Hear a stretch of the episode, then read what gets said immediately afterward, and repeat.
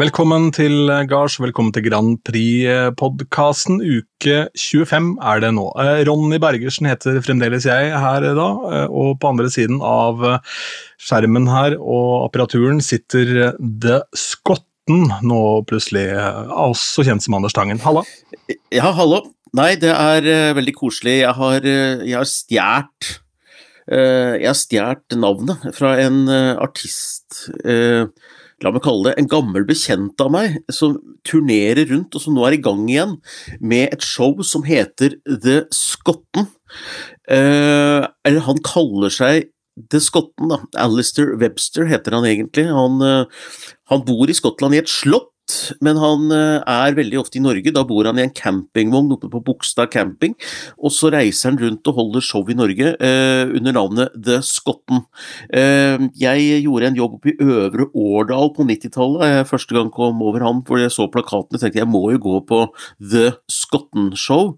Eh, det var i kjelleren på det hotellet jeg bodde, og jeg var der sammen med ei dame som eh, var kjæresten min da. og jeg bare sa nei, men det, det var jo ikke noe folk her ennå, men kan ikke dere bare ringe opp på rommet eh, vårt når han starter, da? fordi at eh, da sitter vi på rommet til han begynner, vi har lyst til å få med oss til showet. Så ringer telefonen sånn i kvart på ni-tida. Nei, nei da, er, eh, da er skotten klar. ja, men så bra, da.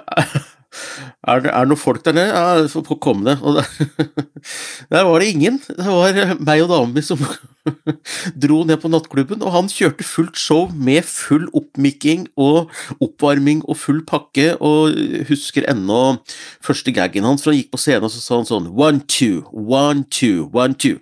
This is just me counting the audience. Så eh, det var Det var The Skotten. Nei, så det, er, det, er, det er egentlig en tribute til han, og så er det en link over til Eurovision i det. Det er det, altså. Ja, men det er også en link til meg, eh, tro det eller ei. For eh, jeg gjør eh, Dette kommer til å høres litt sånn pretensiøst ut, men jeg gjør min første offentlige opptreden som DJ hjemme i Askim på en liten evighet nå på fredag. Ja vel? På et utested der, da, fordi jeg gjorde en spillejobb der på sånn lukka fest, og så var han som hadde booka meg til den spillejobben, han er eh, en av eierne av Askimtorget, og han hadde en leietager som trengte en DJ, og da, ja, da var det meg, da, som holdt ja. på med det der ute. Og Så var jeg likevel i byen, så jeg gikk og tok en prat med han, og så sa jeg litt om hvordan dette måtte fungere for at det skulle kunne bli noe av. Ja. Det må markedsføres, blant annet, for det er liksom ikke bare å åpne en dør. Um, nei, nei. Og, og så fikk jeg flytta om på ting, så hadde jeg en ledig dato nå på fredag. Så spiller jeg med Aschim da. Det gleder jeg meg for så vidt til. Men jeg var innom det for å svare på noen kommentarer på siden, og nå oppdaget jeg da at på det, lørdag 18. juni så spilte The Skotten på dette ja. stedet. Det er helt riktig. The show, uh, hadde show uh, den 18. Uh, juni, og dette hadde jeg tenkt som en sånn serv til deg, men du har selvfølgelig snappa opp det at The Skotten nå spilte i, i Askim klok, klok, fra klokka 23.00 til 02.00 gikk det showet. Så um, det var synd jeg ikke fikk med det. Det kostet 200 kroner. Ja, det tenker jeg kanskje er litt i overkant, men det er nå så. Eh, det får vi komme tilbake til. Jeg får håpe at han fikk telt til litt lenger enn til to denne gangen. da.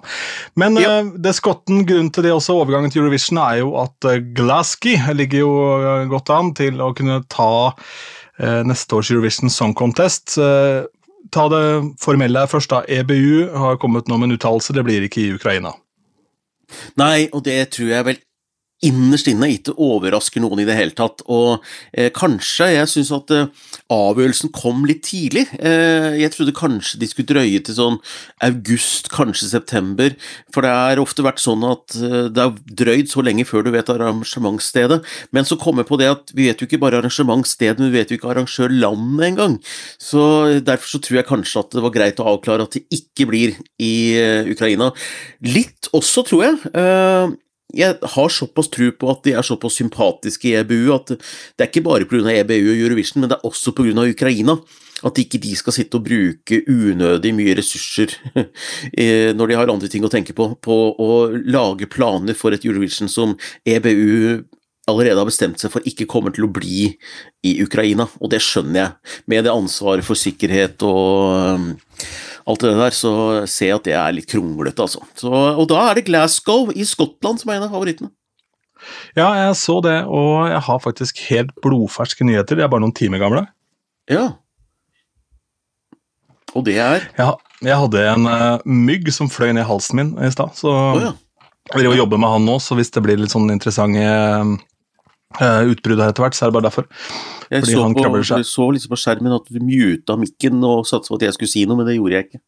Er sånn cough-button, men i hvert fall eh, jeg har blodferske nyheter, for Graham Norton har uttalt seg om eh, dette. Å, ja. Uh, og han uh, har da vært på lanseringen av eh, Paramount Plus i eh, England, eh, og ble da spurt om dette med Eurovision. Um, og han sier da noe sånt som at eh, eh, alle er jo selvfølgelig lei seg for det, eh, men eh, det må jo være en helt forferdelig avgjørelse for EBU å ta, en forferdelig beskjed å gi. da. Det er på en måte Graham Nortons eh, litt sånn eh, hva skal jeg si, parlamentariske svar på ting og tang her. Um, ja. han har gjort et par litt sånn større intervjuer nå borti England. hvor Han, for han er jo med på å er dommer i noe sånn drag-opplegg oh, ja. som går der nå. Så han er ute og promoterer det. Det er sikkert på Paramount Plus, det der vil jeg tro, siden det er så mye Det fokus på det. Er jo grunn til å tro det, men, men det er jo eh, litt spennende dette her med hvordan de selger seg inn, fordi eh, London er den eneste byen som liksom eksplisitt har uttalt at de er klare for å hoste et ukrainsk show, på en måte. Altså de, de, de er de som går lengst til å si at uh, vi stiller lokaler og vi stiller liksom byen vår til disposisjon for å la Ukraina skinne, uh, er vel nesten det de sier da, mens de andre er litt mer opptatt av uh, Storbritannias historie i Eurovision og sånt noe. Så, så det er jo en litt sånn spennende innfallsvinkel til det hele fra London sin side. Da. Og det som overrasker meg litt gledelig, det er jo at det ser jo ut som at eh, flere byer i Storbritannia i fullt alvor og virkelig med iver ønsker å hoste dette arrangementet, og det var ingen selvfølge bare for noen år siden, altså når de hadde mest ironisk distanse til det. Ja, for jeg mener også det er litt interessant, for det er både Liverpool og Sheffield ser jeg på banen. på en måte, altså Stålbyen Sheffield, eh, tenker jeg. eh, Det eh, hadde jo vært interessant, det, men det handler jo litt om infrastruktur og sånn. da. Jeg hørte når Guns N' Roses nå spilte i Stavanger, så var det ikke et ledig hotellrom å oppdrive fra Kristiansand til Trondheim omtrent. så Nei, nei, og, nei og, og, og det, altså Glasgow Jeg har vært i Glasgow og spist haggis, jeg. Det er ikke det er ikke en sjarmbombe av en by, det heller, eh, liksom, for så vidt. Det, det er jo veldig mye industriby, og, men det er greit nok, det. Det er britisk, da. Eh, men det morsomme som mange fans har hengt seg opp i, er denne filmen med Will Ferrell, Eurovision The Fire-saga. Den er jo der er den internasjonale finalen i Edinburgh, og arenaen de har brukt, sånt gjør du jo i film. altså det er jo, De putter på ulike steder, og så er det ett sted. Det vet vi jo med James Bond, som spiller inn ting. Eh, ja. eh, men i hvert fall i andre land Ja, enn der det skal se ut som. Ja, men altså James Bond var jo faktisk lagt til Norge. Det er riktig, det. Du, Det var et du, du tenkte, tenkte, på Tom, Tom Cruise, tenkte du på. Tenkte på Tom Cruise, ja, som plutselig Mm. var et indisk fjell, og så var det spilt inn i, i Norge. James Bond, det, det var åpenbart i Norge, så det var helt greit. Men eh, den her, eh, hvor det var Edinburgh som, var, eh, som hosta den internasjonale finalen, og denne arenaen som da skal være aktuell i Glasgow, som egentlig ikke er så stor, den tar 14 000 mennesker, den er med i traileren og er med i åpningen på eh, Will Ferrells film, da. Så derfor er det jo litt sånn absurd at på en måte så eh, blir den filmen til virkelighet. Men hva heter den arenaen, da? Er det den derre Den heter, altså den i, den i Glasgow du tenker på, den heter så mye som eh, eh, Ovo Hydro Ovo Hydro Arena. Og det er den som ligger på topp på oddsen til å bli neste års vertsby, da. Og den tar 14 14 300 tilhørere. Og EBU har et sånt minimumskrav på 10 000 publikummere i, i salen. Ja, for uh, her blir det jo mange linker, uh, Anders. For forrige gang jeg så Brian Ferry live, det var i Edinburgh. Ok, Ja, nettopp. eh, og jeg har sett to band i den arenaen. Eh, reiste over for å se Paul McCartney, det var helt enestående, helt makeløst. Eh, og så Ja. oppdager jeg da to Nei, dagen før så spiller Nile Rodgers med Cheek samme arena, så ble det en dobbel eh, der. Så Ja. den, det den ja, funka som pokker. Veldig bra infrastruktur, masse toaletter, fine fasiliteter på alt. kjapt inn og ut, veldig bra. Taxier, alt var på stell.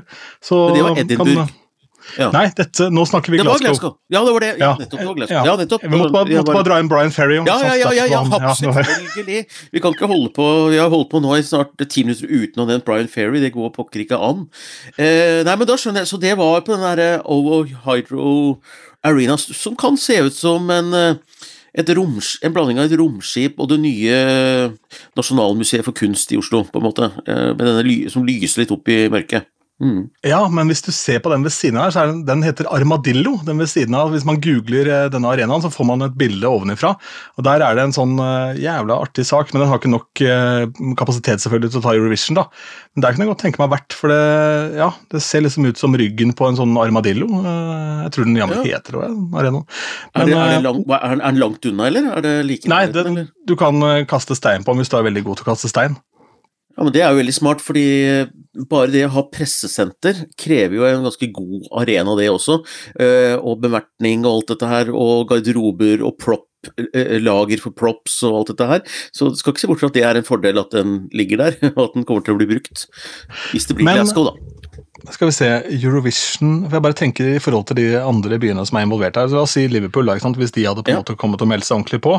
Så er Eurovision i mai, det er vel ikke eliteserie Nei, ikke eliteserie, men Premier League er vel ikke ferdig. altså Det, det lukter litt problemer, det der, altså. Det kan være. eh, Det kjenner ikke jeg til. Da er jo Glasgow mye tryggere. eh, Og det er nettopp der du er inne på dette her med eh, sånne hensyn å ta hvor Eurovision skal være. Alle tror liksom at å, det er bare en sånn strategisk vurdering og PR-vurdering, og, og det er jo ikke det. Det er praktiske grunner. Hva koster å leie den arenaen? Eh, hvor opptatt er arenaer på andre hold? Eh, hvor kranglet er de som allerede hadde booket arenaen? For det er jo ofte forhandlinger, det, sant? Eh, du hadde jo i Sverige den svenske finalen, så ville jo ikke han eh, Thomas Ledin ville jo ikke gi seg, han skulle jo ha 70-årsdagen sin. Så han, han skulle ha en 70-årsfeiring i, i der hvor Melodifestivalen skulle ha sin delfinale. Så da var det, måtte de flytte da, den ene kvelden, fordi Thomas Ledin han ga seg ikke. Så han skulle ha 70-årsdagen sin der. Så, Altså, Nå veit jeg ikke hva som foregår, Anders, men i dag så har Lars Eikanger bursdag. jaha, Eh, radiolegenden Lars Eikanger, som han jobba i Radio Ja, ja, 1. absolutt. eh, gratulerer med som dagen, nå, Lars. Ja, som nå er ungfolen på Radio Vinyl, for der er jo bare gamlinger som er på vei til å dø. Eh, men han har en Thomas Ledin-historie fra da han var konferansier på en eller annen Syden-scene nede på Granca eller Lanzarote eller hvor i helvete det var. Jaha, Hvor eh, eh, turnémanageren til Thomas Ledin eh, er da forbanna fordi det kom en regnskur. Og, så, og så sier han da, og Lars overhører dette, her, kommer det én droppe på Thomas gitar, så er denne konsern over. ok. Kom det noen regndråper? Det er nesten så jeg håper det, men uh... Nei, jeg vet ikke. altså I så fall så hadde vel bare Lars båret han tilbake på scenen og bedt han spille opp. ja, ja det, er, det er typisk Lars, og det er typisk Thomas Ledin. Så Ja, et møte mellom de to hadde jo Det er jo morsomt, det, når eh, De har jo relativt romslig ego, begge de to, uten å si noe gærent om det, men eh, de, de, de veit hvem de er, og de kan jo stave navnet sitt, for å si det sånn. Så det, det, Men jeg bare tenker, altså, hva, hva er det du oppnår ved å si noe sånt? liksom? Det, eh, null ville det var sikkert litt sånn stusslig med publikum og alt mulig. Det var kanskje rett over middagshøyden hans. ikke sant? Og så er det liksom, det er null bevildighet, og hva faen skal arrangøren gjøre med en regnskur? Og så, ja, hva skal du gjøre? Ja, nei, jeg syns jo, for å bringe dette over til eh, neste regnhistorie Altså, jeg så jo på VG-lista Topp 20, jeg skulle jo være der, jeg hadde jo gleda meg til å være der, men det går grenser for hva 55-åringer orker eh, av regn og blåst og eh, norsk allsangpop, fordi den, det var en interessant eh, det var to-tre timer med norske tekster, norske artister. Før så var det jo stort sett internasjonale artister som trakk, men da slo det meg altså hvor pokker meg norsk musikk nå slår ute hos folk, med en slags type pop som er ganske særnorsk, med disse allsangrefrengene og 'Nå koser vi oss', altså med Tix som står der, og det er inn, inn i gamperæva folkelig, altså.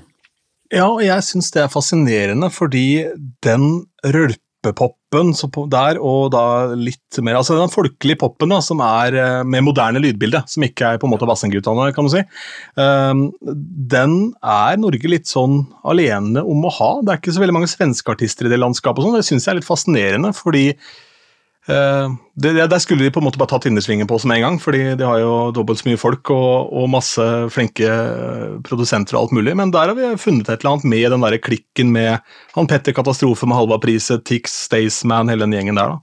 Ja, det er veldig, og, og, det ble en sånn oppvisning. Jeg har du rett og slett sånn, Når jeg ser VG-lista, så er det like mye introduksjon for en del artister som det er et gjensyn med dem, for min del. Og det er helt ålreit. Sånn er det med Øya og for meg. at Jeg innser jo at veldig mange artister kan være kjempesvære uten at jeg har hørt om dem eller kjenner godt til dem.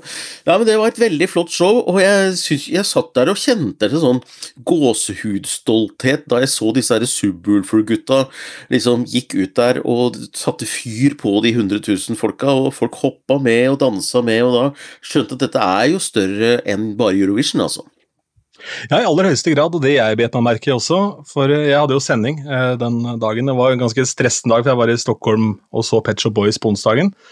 Og så hadde vi en sånn ekstra dag, og så skulle vi fly hjem da på fredag. Og så turte jeg ikke det pga. Arlanda har jo manko på folk. Så jeg turte ikke å gamble på det. Eh, så da kjøpte jeg en togbillett hvor det var buss for tog. Den gikk 06.30 om morgenen.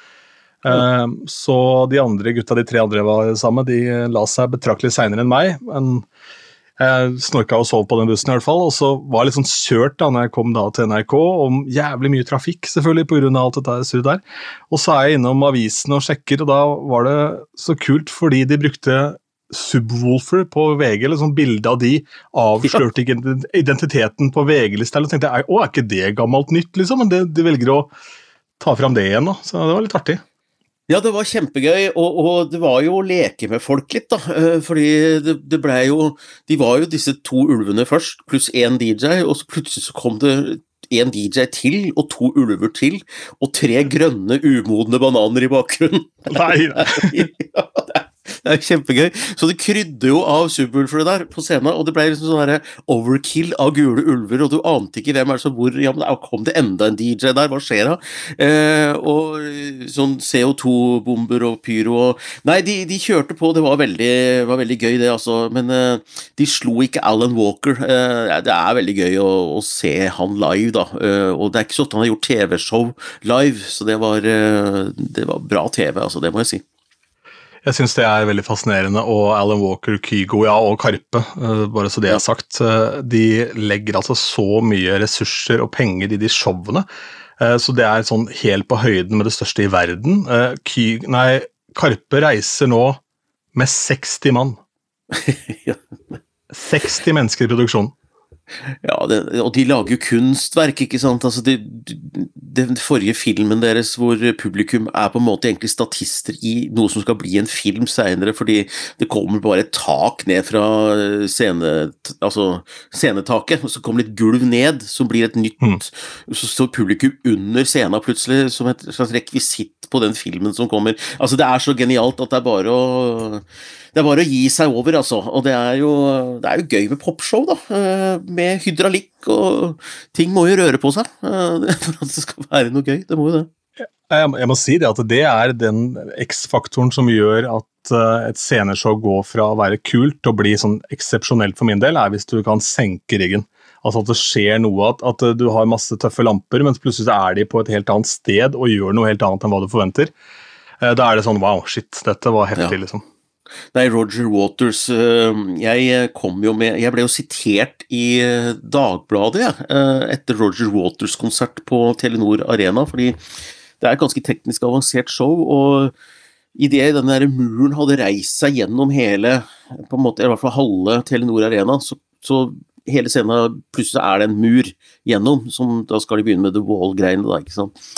Og den låste seg helt fast. Denne muren den gikk ikke ned, og du skjønte jo at her skjer det ting. Så, og det var såpass stille at det var veldig mange som hørte at jeg ropte Tear down this wall, samme som Ronald Reagan sa foran foran Berlinmuren. Da, og det ble et sitat i Dagbladet, og det sto ikke at det var jeg som ropte det, men eh, det var nå meg da, som gjorde det. Men altså, jeg syns det er fint at du kan påpeke at både Thomas Ledin og, og Lars Eikanger har svære egoer, men til å være en såpass liten kar, så er det ganske, ganske mye som bor i deg. klarer å brøle den inntil Nordalea. Den tar jeg! Jeg, jeg, jeg, ikke tenk på det. Ja, jeg tar den. Ja. Men det er, ikke, det er, ikke, noe særlig tror jeg, å være crew til Roger Waters, for jeg sto utafor uh, på Norwegian Wood da de hadde booka en jobb for mye, hvor det var litt tight, hvor uh, lydprøven pågikk med fremdeles mens publikum venta på å slippe inn. Hvor han skriker over main paya 'You fucking imbecile', skriker han til lydteknikeren sin. Så Roger Waters tror jeg er en trivelig type. Ja, ja. Tenk deg Nei, uh... en aften med han og Thomas Ledin. Det hadde vært noe. ja, nei, jeg skal ha sterk kaffe, tror jeg. Nei, men det er jo litt gøy også, da, ikke sant. Altså, bransjen Hva er popbransjen, hva er showbransjen uten sånne historier, da? Med disse her store egoene. Det er jo de som krydrer det hele. Det er kjedelig hvis vi bare skulle ha all ære til Hanne Krogh, altså for all del, men altså verdens koseligste dame som byr deg på en kopp te. Altså, det, det er jo koselig, men det er liksom du må ha noen drittsekker der òg, altså, for ellers så blir det ikke noe gøy. Eh, og at Cezinando har uh, vært så nedbrutt at han har uh, stjålet møbler fra diverse hotellresepsjoner og sånn. Det er jo dumt, og det er litt fælt, men det er også litt moro. Mm. At vi har en popsanger som går ut og stjeler møbler. Uh, ja, og en av sånn gigasuksessfulle Han får sikkert en halv million for hver eneste gig. Han? Så det er ikke, ja. han trenger ikke pengene heller, men det var vel bare at det, det stoppa vel helt opp. da, Alt gikk jo gærent. Det er jo litt det sånn Det er sikkert en tragedie bak det, og det er sikkert fælt og alt sånt, men det orker ikke jeg forholde meg til. Jeg syns faktisk det er veldig moro å tenke på at Cezinando har løpt rundt uh, sammen med noen gutter og stjålet designmøbler. Jeg klarer egentlig ikke å bli irritert. så det er det er en så dårlig filmidé at det er moro, liksom. Mm. Ja, og så ser jeg på en måte for meg at det er litt sånn B-gjengen over det òg, fordi eh, det er jo overvåkningskameraer i alle hotellobbyer, alle veier. Det er jo det er et sted det blir busta, så er det vel der. Ja, det er sånn at Morten Harket liksom skulle gå inn og stjele liksom uh, lysekrona på The Hub, liksom, Hotell The Hub, og det er, det, det er jo dårlig gjort, men det er mest moro. jeg tror han får lov til å skru ned den helt på egen hånd hvis han begynner med det, altså, men ja, det, er noe så. Uh, det var jo Bergenfest i, i, helgen, og der var jo George Ezra, som nå gikk til topps i England med den fjerde skiva si på rad. Så han er jo en av de største artistene i Europa akkurat nå. Og uh, Eirik Kjos, da, kollegaen min, han fikk prate med George Ezra, og det var jo typisk bergensstemning sånn værmessig. Uh, og uh, han var altså verdens hyggeligste fyr. Uh, og brukte ja. dobbelt av tiden han hadde satt av, til tross for at han hadde en kjempehard timeplan med masse konserter alle veier. og bare var superjovis og bød Eirik på en pils. Det var liksom ikke måte på. Samme med Sara Larsson òg. Kjempenedpå, utrolig hyggelig. og så fikk jeg høre en helt fantastisk historie av av Robert Setevik, som også da er i redaksjonen til Kveldsåpent. da. Ja. For Han fortalte om Vi har snakka en del om Glastonbury, for jeg driver med å lage ja, en sak om, om, norske artister som har spilt på Glastonbury. Det var den dualen uh, vi snakket om jeg aldri greide å si, men nå begynner jeg å kunne det. Ja, ja. det er korrekt. uh, og da fortalte han det at da, første gang Travis skulle spille på Glastonbury, så hadde de kjøpt billetter til festivalen, fordi de hadde ikke blitt store ennå. Det ble sånn store over natta med den ene skiva. Så de bodde på campen på en måte fram til de skulle bevege seg bort til backstage. ok. Ja vel. Ja ja. ja for, eh, Soveposeånd og eh, liksom sånn, ja. ja. For de skjønte på en måte ikke helt at de var såpass store at de skulle spille der, så de hadde, de hadde jo disse billettene, så de, ja, det var noe med det. det Men det var også et, et av de første internasjonale bandene jeg intervjua, var også Travis. Det var på Norwegian Wood, og da var jeg i Radio 1. og ja, Det kan vel hende at eh, det var noen andre medier som var litt prioritert over oss på den tida. For uh, da jeg kom og skulle gjøre mitt intervju, så var ikke de gutta informert om det. Oh ja, nei. Og så var jeg 19 år, da, så det var jo litt sånn Og jeg sleit nok med å finne fram i den brakkeriggen bak der, jeg, om ikke det var det å gjøre. Men uh, da sier Fran Haley Travis Men uh, vi har litt lavt blodsukker, så hvis du bare henger med inn her, så kan vi jo spise noen jordbær og holde på litt, og så tar vi den praten ja. hvis det går bra. Ja, Så jeg ble mata med jordbær av Fran Haley og co. Så de lever til sitt rykte om eh, å være verdens hyggeligste band, og de er fra Skottland, vet du. Ja, de er skotter, og, og, og Skottland, det som jeg har lurt litt på, er det noen skotter som har vært med i Eurovision, og, og det er det. altså En av mine favoritter, eh, Lulu eh, og Eurovision. Hun er fra Skottland, og hun er også fra Glasgow, til og med. Eh, så, så, det har vært skotter som har gjort det veldig bra i, i Eurovision. Boom Banger Bang eh, fra 1969. Boom Banger Bang, boom banger bang, bang all the ja. Så, Stemmer, stemmer. Ja, nei, så det er eh, de, de, de, Fordi det, jeg, jeg, vet ikke, jeg har en forestilling av at når Storbritannia skal arrangere dette her, hvis det er de som blir det, det blir det sikkert, det blir sikkert Storbritannia, så er det liksom litt rart at det blir Skottland, men det er jo United Kingdom, da, så det kan jo bli Belfast, det kan jo bli Skottland, det kan jo bli holdt på å si Canada eller Australia. ja. Eh, det er jo helt vanvittig mye bra band fra Glasgow. Vi har jo eh, Donovan er jo derfra. Ja, det stemmer. Og, og um, mitt, et av mine favorittband, Texas, er også derfra. Og Friends. For... Ja. Jo, Summer Sun, har du hørt at den går på radio? Oh, ja, ja, visst, ja, ja, ja, selvfølgelig. Det er de, ja. Ja, Frans Ferdinand er fra Skottland, så det, jo, det kan jo bli et forrykende pauseshow, da, men jeg ville tro at det kanskje blir eh, helt noe mot um, Ukraina. Det skulle nesten bare mangle.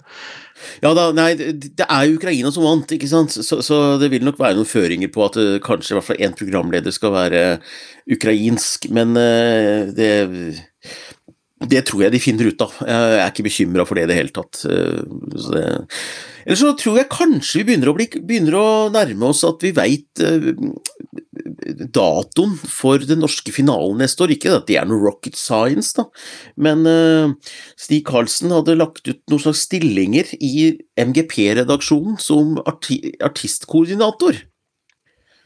Og den stillingen går fram til 12. februar. 11. februar er en, er en lørdag. Så uh, det er vel ikke helt dumt å tro at kanskje finalen neste år går på en lørdag, da, og, og, det gjør den jo alltid. Og at det er 11. februar som er datoen. Så jeg tror kanskje vi kan holde av den datoen. Men det er vel ikke noe um, stor hemmelighet, helt jeg å si? Altså, det er vel bare å Det har jo vært i midten av februar de siste, siste åra, og, og, så vi må nok regne med at det blir 11. februar, men det er mer så spennende om det blir Om de tør å gønne på å drite i alt av korona og kjøre på med en stor finale igjen, ikke sant, eller om de seifer, eller om de tør å dra til Trondheim igjen, for Trondheim Spektrum, det må jeg si at det er den arenaen som jeg syns har funka best på et TV-show noensinne, altså for det er så avlang, det blir så flotte bilder. Eh, det er ikke så bra for publikum, fordi veldig mange blir sittende langt bak, for den er så liksom travbaneforma, men bildemessig så blir den altså tigangeren Spektrum, uh, fordi du får den ja, der fordi det er avstand. jo en todelt greie, fordi uh, Spektrum fungerer jo best for publikum. Fordi det er ishockeyarena, altså det er høyere tribuner, altså du får trøkk ovenfra og ned. Samme jeg var jo Globen og så Pet Shop Boys, det var helt vanvittig kok. Ja, det, også, ja, parentes, hvordan var Pet Shop Boys, var det bra? Du, vet hva, jeg var mektig imponert, for jeg var ikke klar over det, men Neil Tennant blir i år 68 år gammel. Ja, ja. Ja, og det er ganske heftig å holde på i over, eh, over halvannen time med Det er jo ganske teknoshow der til tider. Det er jo veldig syntbasert, og nå er det, my det er mye snakkesang, da, men allikevel, du skal på en måte treffe mye effekter på stemmen, og sånn selvfølgelig, men du skal allikevel da holde en form for pitch der gjennom ting. Ja, ja, og, Det er kanskje noe av det vanskeligste du kan gjøre, fordi å trykke på, da får du adrenalin, da får du energi, men det å holde tilbake og være litt sånn elegant i stemmen, som Pet Shop Boys veldig mye er basert på, det er ikke bare bare, altså. Ja, Det var en ganske imponerende seanse, og veldig kult visuelt. Og ja, bra trøkk og mye folk. Eh, jævla harde seter, men det er noe så, det var en gammel arena, dette her. Så. Det skal de få slippe å ta ansvar for. ja. Og så hadde de folkøl på sånne plastflasker. Det var heller ikke ti av ti, for jeg holdt på å mige på meg der jeg satt. Eh. ja, det er, ja, det er ikke som under Eurovision i Norge i 1996, da de tok feil. Det var noen, noen uh, nyansatte som egentlig ikke skjønte reglene. fordi de hadde fått det for seg at det var ikke lov å selge glass med vin. Men de, men de, de solgte med en halvlitersglass, så jeg satt der altså med to halvlitere med hvitvin ja, og så på Og så, så den internasjonale finalen. Eller så og så. Jeg begynte å se eh, fra andre, andre, andre, rad der, og så ble jeg litt sånn brisen. Fordi der solgte de så halvlitersglass med eh, hvitvin. Det er mye, altså. Det er veldig mm. mye når du sitter på sånn festival, og du vil gjerne bli kvitt det, fordi at det, eh, det er noe med å sitte med det glasset. Altså, det er eh, Ja. Du, du, ser jo helt lasaron ut da, med et sånn halvlitersglass med hvitvin i hver. Får håpe at det ser ut som litt sånn grumsete vann. Nei, det gjorde ikke det. Eh, nei, det gjorde ikke det. det så hvitinaktig ut også. Mm, ja. skal vi ta en liten sånn kudos til Amanda Tenfjord, for dette her har gått ja. meg hus forbi. Hun er jo Men- lege nå. Ja, det er altså så vilt, det. Altså, eh, etter finalen i Eurovision så har hun gjennomført en eksamen i legestudio og gitt ut en ny singel. Ja. Offentliggjort europaturné. Altså, det er jo temmelig rått. eh, Og spiller henne masse på radio om dagen også. Kult. eh, Det er bra trøkk nå, altså. Jeg lurer på om hun noensinne kommer til å bli venninne med justisminister Emilie Enger Mehl, eller hva hun heter for Emilie, altså hun justisministeren vår. fordi det, det, det er sånn, Hun er sånn irriterende, som får til absolutt alt. Hun er utdannet, selvfølgelig utdannet jurist, Norges yngste justisminister. Hun har vunnet Anno, og så vant hun det derre Kompani Lauritzen. Og så nå var hun på den derre kongegallamiddagen med kjole som hun selvfølgelig hadde sydd selv. Altså, det, det er noe folk er bare så De er så, de er så irriterende! Her sitter Ja, er jeg litt- liksom og Ja, åh.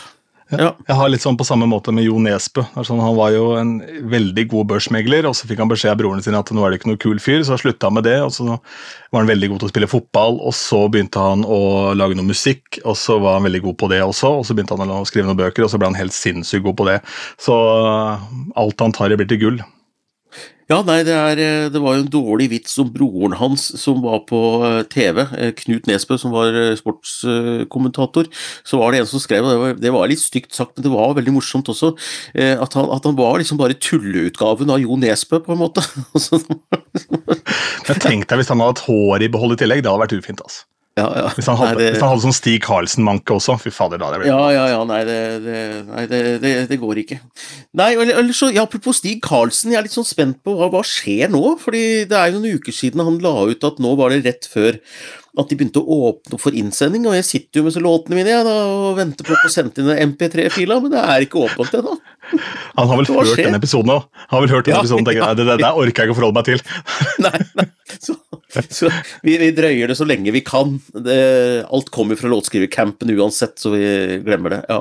Men ja. Nei, men Nei, eh, Vi kan vel eh, konkludere med at det som skjer, er at på lørdag så var Kiss og spilte konsert i vårt naboland, kanskje. Så Jo, men jeg, vet hva, jeg, helt ærlig så tror jeg det har med sånne ting. Altså, jeg ser jo Stig Karlsen, og det unner han det overalt på hele kloden.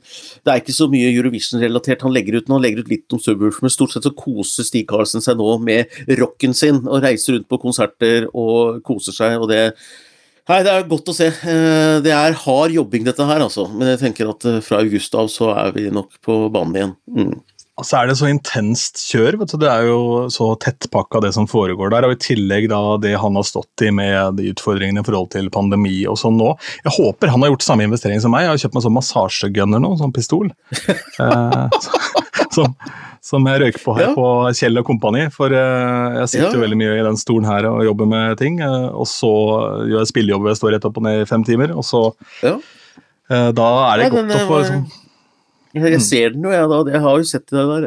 Jeg har en sånn sjøl, Ja. altså, men den er, den, er, den er større, og den er kjøpt på en sånn messe på Lillestrøm, så den, den, eh, var svær, altså. Jeg, har- kjøpt på alternativmessa. Jeg, jeg, var på alternativmessa et år for, jeg bare var for underholdningens skyld, og da kjøpte jeg sånn massasjeapparat. Så det er selvfølgelig mye større og mye infrarødt lys og mye sånn der eh, engleenergien, da. Men eh, mm, Det er jo helt nydelig, da. Få det på, tenker jeg. Ja, ja. Den er eh, god. Skal vi si det er bra der, da? Ja, eh, vi greide faktisk en overgang fra Stig Karlsen til massasjepistol via Alternativmessen og rosa lys. Det, da tenker jeg at det er på tide å si takk for altså, oss. Vi, vi tar ikke sommerferie, har vi planer om. Vi gjør vel ikke det, så vi holder på. Du har ikke noe mer å spa på med etter det, så da må du gå av. Eh, altså, Da må du ta det som siste låt, tenker jeg. Takk for Ja. oss. Du har hørt Grand Prix-podkasten, og du kommer i kontakt med oss da, eh, ved hjelp av eh, mailadressen vår. Den er hei at grandprixpod.no, eller du kan eh, søke oss opp i sosiale medier. Nå funker til og med kontaktskjema på nettsidene mine. Jeg fikk meldingen, var litt flaut, fikk melding fra en kommende brud som lurte på om Hei, jeg har sendt deg en melding på nettsiden din, så hvis jeg hadde, ikke satt opp videresending av de me meldingene som kommer på min personlige nettside. Det er veldig proft. Å, det er tungt, det. Det er tungt, Ja. det. Ja. Men eh, da lærte jeg det, da. Så tusen takk til Silje, tror jeg hun het, som påpekte det. Takk for oss.